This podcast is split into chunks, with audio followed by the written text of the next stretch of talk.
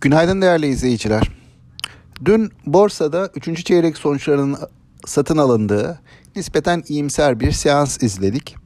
Özellikle son dönemde TL mevduat faizlerinin düşmesi sonrası yatırımcıların borsaya doğru bir ilgisi var. Tabi bu ilgide kur tarafının da nispeten bu seviyelerde sakin kalacağı beklentisi de rol oynuyor.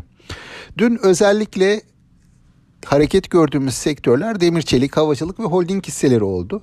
Bankalarda da seçici olarak alımlar vardı ki bu sektörler nispeten beklentilerimizin, kar beklentilerimizin güçlü olduğu sektörler. Dolayısıyla bu alımlarla birlikte BIST 100 1500 seviyesini aşarak son 7 ayın zirvesine gelmiş oldu. Dün yine piyasalarda TL'nin değer kazandığını, 10 e, yıllık tahvil faizinin de hafif bir geri çekilme gösterdiğini gözlemiş olduk. Yurt dışı taraf da nispeten iyiydi yurt dışı tarafta da özellikle bilanço sonuçları satın alınmaya devam ediyor.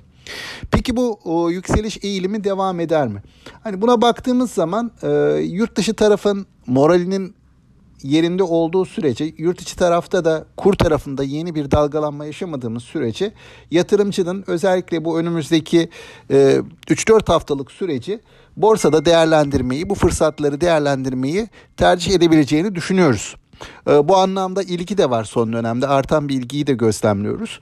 Dolayısıyla hani dediğim gibi yurt dışı taraf sert geri çekilmeler yaşamaz ise ve yurt içi tarafta da kuru hareketlendirecek yeni bir dalgalanma yaşamaz isek borsa önümüzdeki bir aylık süre için yatırımcılar açısından oldukça fırsat sunan bir mecra.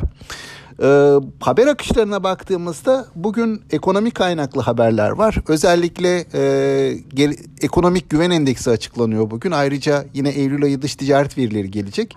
E, bu verilerde piyasa açısından çok böyle hareketlilik yaratmamakla birlikte hani önümüzdeki döneme dair bazı ipuçları bulabiliriz. Bunların da genelde olumlu yönde olacağını tahmin ediyorum. Sabah seansında yurt dışı tarafa baktığımda Asya piyasaları bir miktar geri çekilmiş gibi görünüyor. Hani bizim tarafta da e, sanıyorum bugün 1500 seviyesinin üzerinde tutulmaya çalışan bir endeks göreceğiz. E, güçlü alımlar olmayabilir, hisse değişimleri olabilir. Dolayısıyla endeks e, BIST 100 endeks seviyesi olarak çok yukarılara gitmeyebilir. Ama bu 1500 seviyesinin üzerinde tutulmaya çalışan bir endeks göreceğimizi tahmin ediyorum. Aktarmak istediklerim bunlar. Sağlıklı, bol ve bereketli kazançlı günler dilerim. Yeniden görüşmek üzere.